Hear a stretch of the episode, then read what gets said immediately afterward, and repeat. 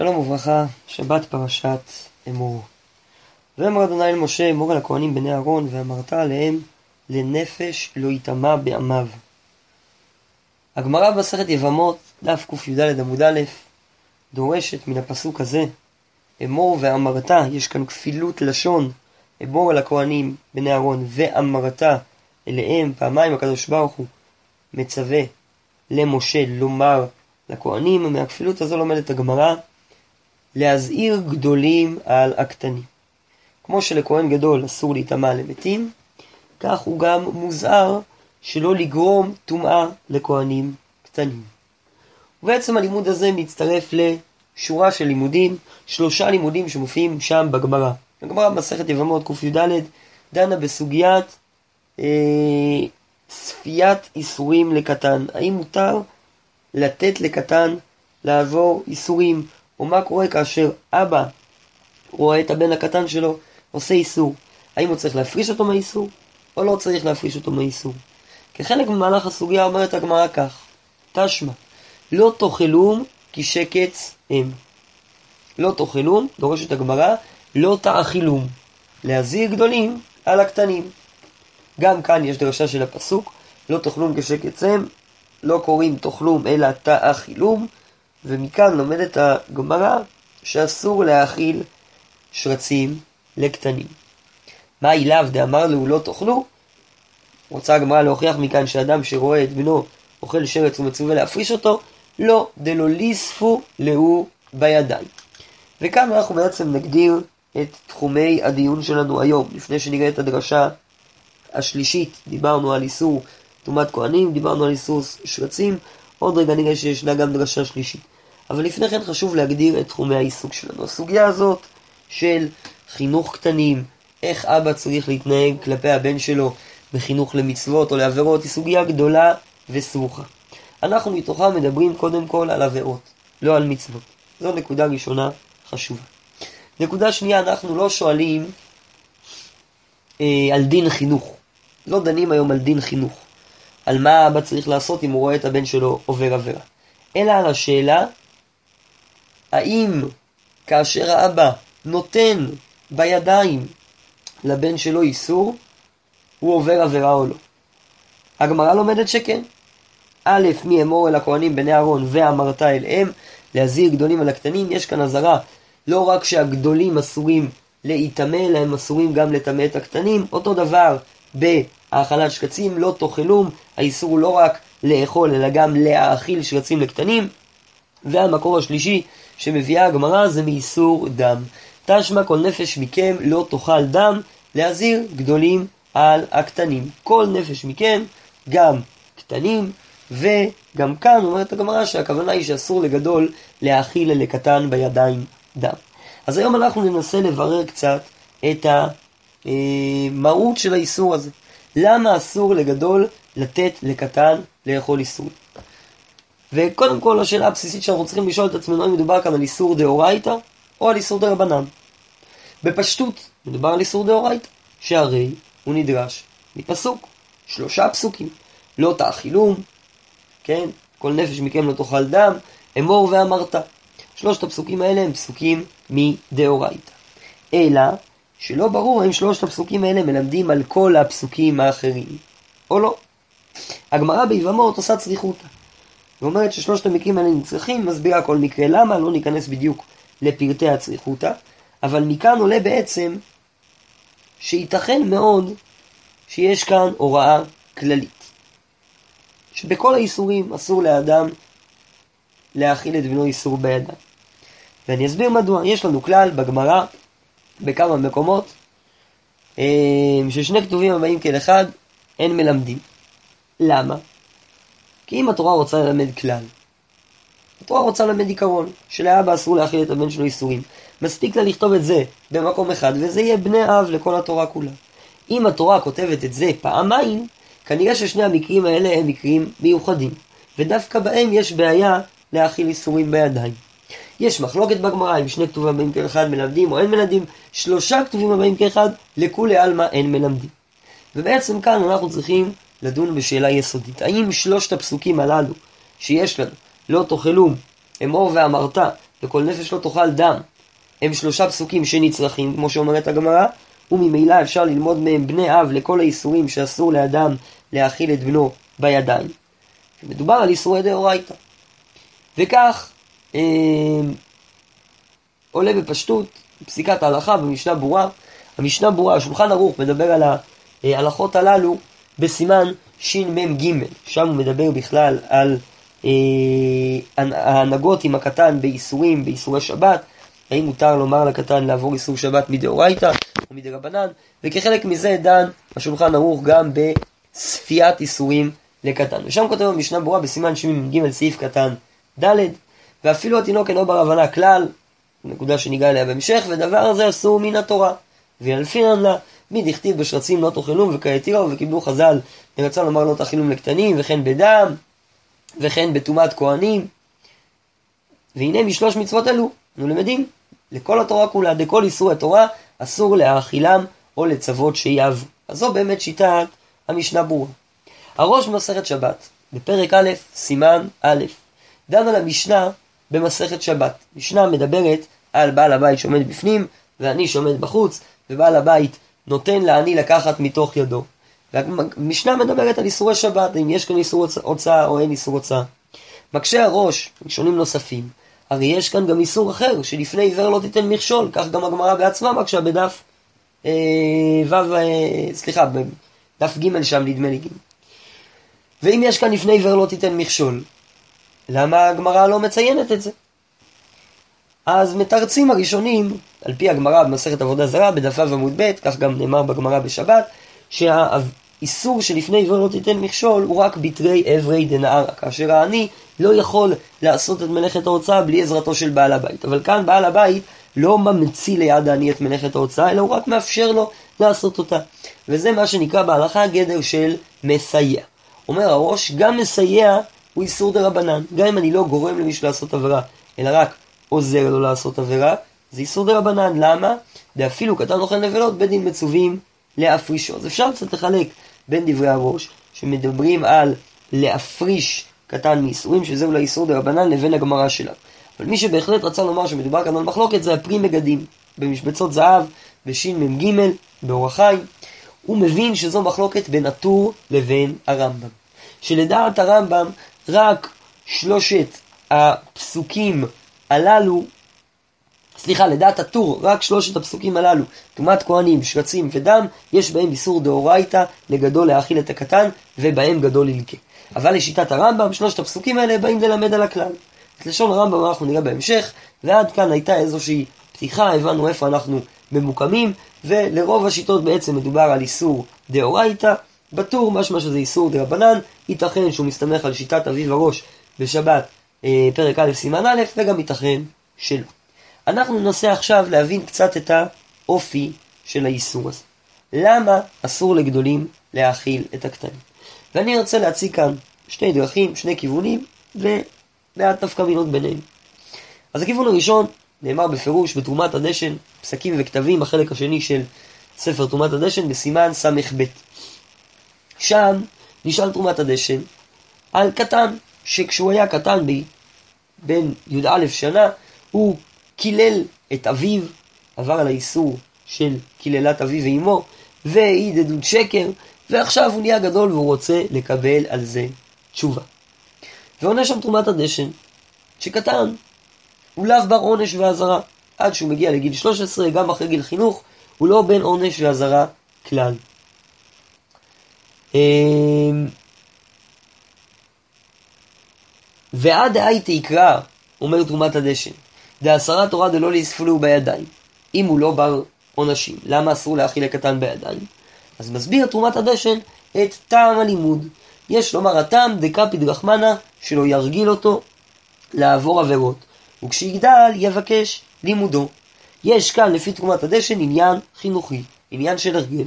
אם תינוק רואה שבבית מאכילים אותו בייסורים, או לא תינוק, גם ילד יותר גדול בגיל חינוך, רואה שמאכילים אותו בידיים בייסורים, הוא מתרגל לייסורים האלה. וכשהוא יגדל ויגיע לגיל 13, אי אפשר פתאום להגיד לו, אה, תשמע, מעכשיו הכל אסור, מעכשיו אתה מקבל על זה עונש. אלא, צריך להיות כאן תהליך של הרגל, חינוך מתחיל מגיל קטן.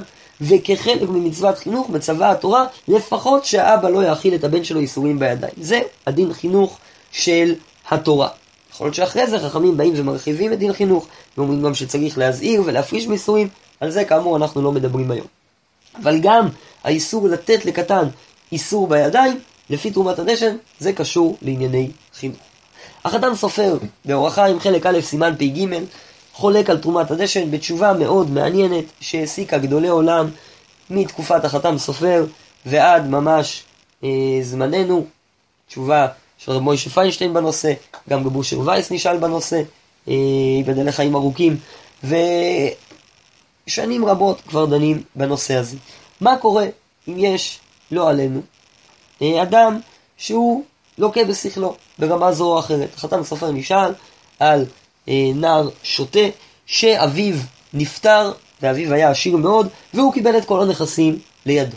ועכשיו אנשי העיר מתלבטים מה לעשות עם אותו נער, כי כרגע במצבו השכלי הוא לא מסוגל לנהל משא ומתן, הוא לא מסוגל לתפקד כמו שצריך. אבל יש איזה בית ספר, איזה פנימייה, איזה מוסד בעיר מסוימת, שאם ישלחו אותו לאותו מוסד, הם יוכלו לקדם אותו מעט. שם בתשובה של החתם סופר מאמינים המומחים שאם הוא יגיע לאותו מוסד, אותו קטן שוטה, הוא ידע לנהל משא ומתן והוא יוכל לנהל את כלכלת אביו, שכנראה הייתה אה, כלכלה גדולה. היה שם הרבה כסף לנהל. ונשאל, אבל במקום הזה, המוסד הזה, הוא לא שומר תורה ומצוות. ואי אפשר לשלוח אוכל עם הקטן ולדאוג לו לאוכל כשר, לא היה משגיח כשרות באותו מוסד, האם מותר לשלוח את הקטן לאותו מוסד או לא. זו התשובה שדן בה חתם סופר, ועד ימינו דנים בתשובה הזאת במובנים כאלו ואחרים של ירידה רוחנית בשביל התקדמות שכלית של אנשים שלוקים בשכלה. והחתם סופר כחלק מתשובתו מתייחס לאיסור שלנו. הרי יש איסור להאכיל לקטן איסורים בידיים, אז איך אפשר לקחת את אותו שוטה ולהביא אותו שם לא, אה, לאותו מוסד ולהאכיל אותו שם איסורים? אז הוא מביא את תרומת הדשן. לכאורה לפי הטעם של תרומת הדשן, שהחשש כאן זה חשש הרגל, שאם אדם יתרגל לאכול מאכלות אסורות, כאשר הוא יהיה חייב אה, להקפיד על האיסור הזה, ממילא שוב הוא לא יוכל להקפיד. הטעם הזה לא שייך בשוטה, כי הרי שוטה תמיד יהיה פטור. כן, וכך מסיק החתם סופר, משמע דבשוטה, דלא עתי בכלל דעת, מותר לספלי בידיים. אני אעיר על החתם סופר, שלכאורה היה אפשר לדחות את הטענה הזאת, מכיוון שכל המטרה שהשוטה הולך לאותו מוסד היא בשביל שהוא כבר לא יהיה שוטה, שהוא יתחכם יותר, ואז אולי הוא כן יבוא לידי קיום מצוות, וממילא חזרנו לאותה בעיה. אבל החתם סופר דוחה את הטענה הזאת מתרומת הדשן בצורה אחרת. מכל מקום, אומר החתם סופר, זה אינו עיקר, דלא דרשינן טעמי דקרא. קודם כל, אומר חתם סופר עיקרון, אנחנו לא מבינים בטעמי הפסוקים, לא דרשינן טעמא דקרא, מה שלא כתוב בפירוש בפסוק, אנחנו לא יכולים אה, אה, לומר מה הטעם שלו, וגם אם אנחנו יכולים לומר, ודאי שאי אפשר להסיק מזה מסקנות לדינה. אנחנו יכולים לנסות לסבר את האוזן הטעם, לנסות ליישב את המצווה על הלב, על ידי הבנת הטעם שלה, אבל אי אפשר לקבוע דינים של מצווה על פי טעם שלא כתוב בפסוק. ולכן, גם אם החתם סופר יש לו הבנה נחמדה למה התורה ציוותה שלא לספות לקטן איסור בידיים, מכל מקום אי אפשר להוציא לזה, מזה הלכה למעשה, וגם בשוטה האיסור הזה שייך. והחתם סופר גם מוכיח את דבריו, שהרי בסוגיה ביבמות, בדף קי"ג עמוד ב', מעט לפני הגמרא שציטטתי לפני כן, הגמרא מדברת על מקרה אה, שהכילו קטן איסור בידיים. בשבת אה, נשכח מפתח של מקום מסוים, אה, וה... אה, יש שם אה, אחד מהאמוראים, כן, אומר, לא יאמר אדם לתינוק עם מפתח עם חותם, אלא מניחו תולש, מניחו זורק. זאת אומרת, אסור לומר לתינוק בפירוש, אבל אפשר לגרום לו אה, לעבור על האיסור, וזה בעייתי, כי אנחנו ראינו שצריך להפרישו מאיסור, אז הבא יש שם מתרץ, תולש בהציל שאינו נקוב, זורק בכרמלי דרבנן, בקיצור מדובר על איסורי דרבנן בלבד. מבלי להיכנס לכל השאלה אם זה מותר או אסור ואיסורי דרבנן, הגמרא מוכיחה כאן מקטנים. וקטנים, אה, סליחה, לא הגמרא הזאת, סליחה, סליחה, טעות שלי. הגמרא בהמשך, בקי"ד עמוד ב', בהמשך העמוד, מוכיחה מי חירש וחירשת, לגבי הסוגיה של לספות מאיסורה. אומר החתם סופר, אם יש הוכחה מחירש וחירשת שגם הם פטורים מהמצוות ולא עתידים להיות חייבים במצוות, כנראה שהטעם של תרומת הדשן לא מדויק ולא מסתדר. האחייזר בחלק ג' סימן פא דווקא חיזק את הטעם של תרומת הדשן מהגמרא. אמ, והוא שואל על הגמרא שציטטתי לפני רגע. בקי"ג עמוד ב' מדובר על איסור הוצאה בשבת. ושם מתרצת הגמרא שמותר לגרום לקטנים לעבור על איסור הוצאה בשבת רק מכיוון שמדובר על כרמלית דרבנן. שואל האחי עזר, הרי בשביל להתחייב במלאכת שבת, בשביל שיהיה איסור דאורייתא בשבת, המלאכה צריכה להיות מלאכת מחשב. וקטן, מחשבתו אינה מחשבה, כך לומדת הגמרא במסכת חולין. אם קטן מחשבתו אינה מחשבה, אז הוא לא יכול לעבור על איסור דאורייתא בשבת, כי הוא לא יכול לעשות מלאכת מחשבת. אז מדוע אסור לומר לו לעבור איסור, גם איסור דאורייתא בשבת? הרי לדידו זה רק איסור דרבנן. איסור דרבנן, כמו כרמלית, ראינו שאביי מתיר לומר לקטן לעשות בשבת. ולכן, אומר האחיעזר, חייבים להבין שהטעם של האיסור לספות לקטנים איסור בידיים הוא טעמו של תרומת הדשן, שמא הם יתרגלו. ואם קטן יתרגל לעשות מלאכות בשבת כשהוא קטן, אז הוא ימשיך לעשות אותם כשהוא גדול. ונכון, כשהוא קטן לא הייתה לו מחשבה וזה היה רק בגדר של איסור דרבנן, אבל כאשר הוא יגדל, וכבר מחשבתו תהיה מחשבה, יהיה כאן איסור דאורייתא. ולכן, כבר כשהוא קטן צריך להפריש אותו מהאיסור, אף על פי שמדובר רק על איסור דרבנן. וכך בעצם מצדד האחייזר בחלק ג' סימן פא בטעמו של תרומת הדשן, לאחר מכן בתשובה שם הוא גם דן בדברי החתם סופר ומביא הוכחות נגד תרומת הדשן, מומלץ למי שרוצה לעיין בסוגיה להסתכל שם, פשוט אחיעזר חלק ג' סימן פא. הרמב"ם פוסק את הדין שלנו גם בהלכות מאכלות אסורות וגם בהלכות אבל. בהלכות מאכלות אסורות, פרק י"ז הלכה כ"ז, כותב הרמב"ם קטן שאכל אחד ממאכלות אסורות, או שעשה מלאכה בשבת, אין בית דין מצווין עליו להפרישו, לפי שאינו בן דעת. במה דברים אומרים ושעשה מעצמו. אבל להאכילו בידיים אסור. אז כאן פוסק הרמב"ם שאסור להאכיל בידיים, מאכלות אסורות. מעניין שהרמב"ם, אני מזכיר את דברי הפרי מגדים, לא מתייחס כאן רק לדם ולשרצים, אלא לכל מאכלות אסורות. ובפרק ג' מהלכות אבלות, הלכה י"ב, פוסק הרמב"ם, כהן קטן הרי הגדולים וזרים שלא יטמאו. ואם בא להתאמן בעצמו, אין בית דין מצווין עליו להפרישו. אז גם כאן, כהן קטן, הגדולים וזרים שלא יטמאו, גם זה דרשה מפורשת שמופיעה בגמרא. משתי המקומות האלה ברמב"ם עולה כיוון מסוים במחלוקת התרומת הדשן להחתם סופר. וזה במשפטים דווקא שלא קראתי. בפרק י"ז הלכה כ"ז במחלות אסורות מסיים הרמב"ם וכן אסור להרגילו בחילול שבת ומועד ואפילו בדברים שהם משום שבות. שני דברים מעניינים כאן ברמב"ם. א', הרמב"ם מרחיב את האיסור מחוץ למחלות אסורות וטומאה ומדבר גם על חילול שבת, כמו שראינו יש לזה מקור בסוגיה ביבמות. ב' הלשון של הרמב"ם, וכן אסור להרגילו. הרמב"ם מדבר כאן על הרגל, דברים שמפתיעים, מתאימים, כפתור ופרח, לדברי תרומת הדשן. גם בהלכות אבל, לפרק ג' הלכה י"ב, מסיים הרמב"ם, אבל אביו צריך לחנכו בקדושה. וגם כאן מכניס הרמב"ם את עניין החינוך, את עניין ההרגל. ממילא עולה בדברי הרמב"ם, אם כי זה לא כתוב בפירוש, שבאמת מהות האיסור כאן זה עניין ההרגל.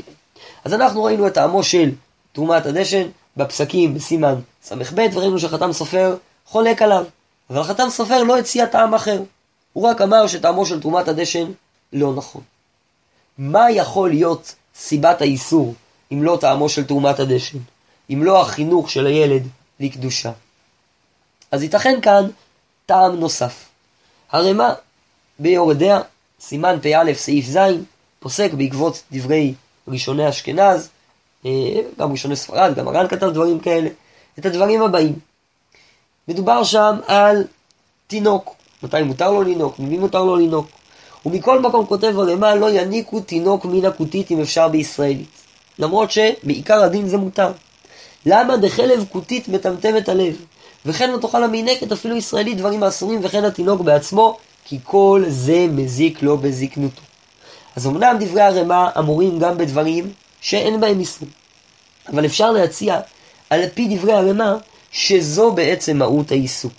כאשר גדול מאכיל לקטן דבר טמא, הוא מטמטם את ליבו, ונטמטם בם, מאכלות אסורות, כותב שם הרמב"ן על התורה, מטמטמות את הלב. וייתכן שהבעיה היא לא בהרגלה של התינוק ובמה יהיה כשהוא יגדל, אלא כבר עכשיו, כבר כשהתינוק הקטן אוכל איסורים, יש כאן פגיעה בתינוק. אולי לא פגיעה פיזית, אבל פגיעה ברוחניות שלו, בקדושה שלו, בטהרת הלב שלו. ועל פי זה בעצם, לא משנה אם האכילה עכשיו מרגילה את התינוק לאבא או לא, בכל אופן היא תהיה אסורה.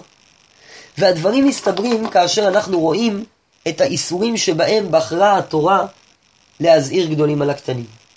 מאכלות אסורות, דם, שניהם דברים שמטמטמים את הלב. מאכלות אסורות כתוב בפירוש ונטמטם בם. בדם כתוב, כי הדם הוא בנפש יכפר, לא תאכל נפש האדם, ברור שיש בעיה לאכול נפש של אדם. זה פוגע בנפש, זה מטמא את הנפש. טומאה זה באמת נושא קצת אחר, אבל בהחלט מתקשר. מצב של טומאה הוא מצב ש... שהוא בעייתי גם כשהאדם קטן. אם כהן הוא קדוש, הוא אמור להיות בטהרה, אז אולי הוא לא עובר על איסור כשהוא נטמא כשהוא קטן. אבל סוף כל סוף, יש כאן פגיעה במדרגה הרוחנית שלו ככהן. ולכן ייתכן, בייחוד אם נלך לדעת הטור, שדווקא שלושת האיסורים האלה הם איסורים מדאורייתא, להסביר שזה יסוד האיסור, שיש פגיעה בקטן גם כאשר הוא עוד לא חייב בעונשים. ולשאלה הזאת, מה טעם האיסור, יש כמה וכמה נפקמין. נפקמין הראשונה, האם מותר להאכיל קטן שאינו בן דעת? האיסור ויתר הארוך, בשער מ"ח, כותב אה, את הדברים הבאים: ואני מילי בבר הבנה, אבל בתינוק מייטי בסמג מהירושלמי דעבודה זרה, דתינוק הולך והולך מכנעני ומבהמת מאה ומביאין לו חלב מכל מקום ואינו חושש לא משום שקץ ולא משום טומאה. כותב האיסור ואתר בשם הסמג, שמביאים לתינוק חלב ולא חוששים משום שקץ ומשום טומאה. מותר אפילו להאכיל אותו בידיים. למה? כי הוא לא בר הבנה, הוא לא התרגל. החיי האדם חולק על זה, כן, גם המגן אברהם חולק על זה בסימן שמ"ג, אה, ומצטטים את הגמרא שהסמ"ג מסתמך עליה ביבמות קי"ט, ושם התירו לתינוק לנק רק מצד סכנה, אבל בידיים בכל אופן אסור, אפילו אם הוא לאו בר הבנה. ולכאורה השאלה הזאת, האם מותר או אסור להאכיל את תינוק לאו בר הבנה, תלויה בשאלה שלנו.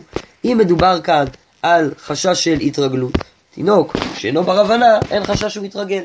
אבל אם מדובר כאן על איסור בעצם הפגיעה הרוחנית באדם, אז היא שייכת גם באדם שאינו בר הבנה. אותו דבר נכון גם לגבי שוטה, הנפקא מינה שראינו בחתם סופר. יש ביטוי יותר עמוק אולי למחלוקת הזאת, שהוא על אותה סקאלה, אבל בצורה קצת יותר קיצונית. והוא, האם האיסור הזה שייך עוד לפני שהתינוק נולד. אז במאכלות אסורות זה באמת בעייתי להאכיל תינוק שלא אכל במאכלות אסורות, גם אם האמא אוכלת זה לא ממש להאכיל את התינוק, זה איסור אחר. אבל השח ביורדיה בסימן שע"א, בסעיף א', הסימן שמדבר על טומאת כהנים, מביא בשם הרוקח, שאשת כהן מעוברת מותרת להיכנס בו אל המת דספק ספקה הוא, שמא נפל הוא או שמא נקבה. אומר הרוקח, הסיבה שמותר לכהנת שהיא מעוברת, היא בהיריון, להיכנס לו אל המץ בגלל ספק ספקה. אם היא יודעת שיש לה עובר זכר, לפי הרוקח, אסור לה להיכנס לו אל המת. כי היא מטמאה את העובר. אבל, כיוון שאישה לא יודעת האם העובר הוא זכר או נקבה, ורק בני אהרון ולא בנות אהרון הוזרו על טומאת כהנים, וייתכן גם שאותו עובר הוא נפל והוא בכלל לא ייוולד חי, יש כאן ספק ספקה שמתיר לה להיכנס לו אל המת. וזו הלכה שעד היום מתפלפלים בה, האם מותר, היום כשיש אולטרסאונד בעצם הכהנת היא כבר לא בגדר ספק ספקה, ויש גם כאלה שמחמירים שלכהנת אסור לעשות אולטרסאונד בשביל לידה שזה בן, כי אז היא לא תוכל להיכנס לבית חולים ללדת, אולי כן יכולה כי זה סכנה, לא ניכנס לשאלה ההלכתית הזו עכשיו, יש מקום לפלפל בה, חשוב לומר שרוב ככל הפוסקים ודאי מתירים גם לכהנת שיש לה בן זכר ללדת, ללדת בבית חולים, אבל לא ניכנס לפרטי הסוגיה הזו, מי שרוצה מוזמן לעיין. האחרונים ובעצם ראשוני האחרונים כבר, נורא נזעקו מהדין הזה של הרוקח. כן, הפתחי תשובה שם ביורדיה מביא רשימה של אחרונים, תשובות הרדב"ז, אה, זה עוד על הגבול, אה, החתם סופר, הנודה ביהודה, שילת יעבץ, כולם דחו את דברי אה, הרוקח. מדוע? מכיוון שהם טוענים שבעובר לא שייך טומאה. אי אפשר לטמא עובר.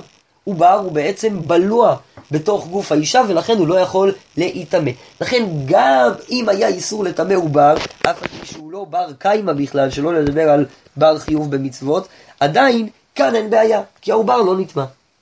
אבני מילואים בסימן פ"ב, סעיף קטן, א', חולק על זה. והוא סובר שכיוון שהיינו רביתי, זה דרך הגידול הטבעית של התינוק, ממילא הוא יכול להיטמא. הגריז הלך בדרך קצת אחרת, הציע שעובר ירך עמו, ולכן הוא יכול להיטמא. ולכן גם לפי שיטת הגריז, גם לפי אבני מילואים, באמת חל איסור על כהנת מעוברת לטמא את בנה שנמצא בתוך בטנה. האחרונים האחרים, הרדב"ז והחתם סופר וכולי, הסבירו גם הם שהבעיה היא רק במעוברת שצריכה ללדת כל רגע, ואז אם היא תיכנס לו אל המת, יש חשש שמא היא תלד באותו זמן, ואז התינוק יטמא. אז גם לפי שיטתם, ובטח ובטח לפי שיטת האבני מילואים והגריז, גם תינוק שנולד, שהוא בן יום אחד, ואולי אפילו יום בבטן, שייך בו האיסור של אמור ואמרת אליהם, האיסור לטמא כהנים, אף על פי שהוא עדיין בבטן אמו. המנחת חינוך מביא גם כן הסבר אחר משלו, והוא סובר שכהן לפני שהוא נולד הוא לא כהן, הוא מקרי זר, ולכן אין איסור לטמא אותו. אבל גם שם, לפי המנחת חינוך, ההנחה העקרונית שלו, שאם היה איסור, אז האיסור היה, אם היה, סליחה, שייך טומאה ושם כהונה בעובר, היה אסור לטמא עובר, אף על פי שהוא לא בא לעולם. טעים. דווקא, וברור שהדברים מתאימים פחות לשיטת תרומת הדשן, ויותר להבנה שאנחנו הצענו.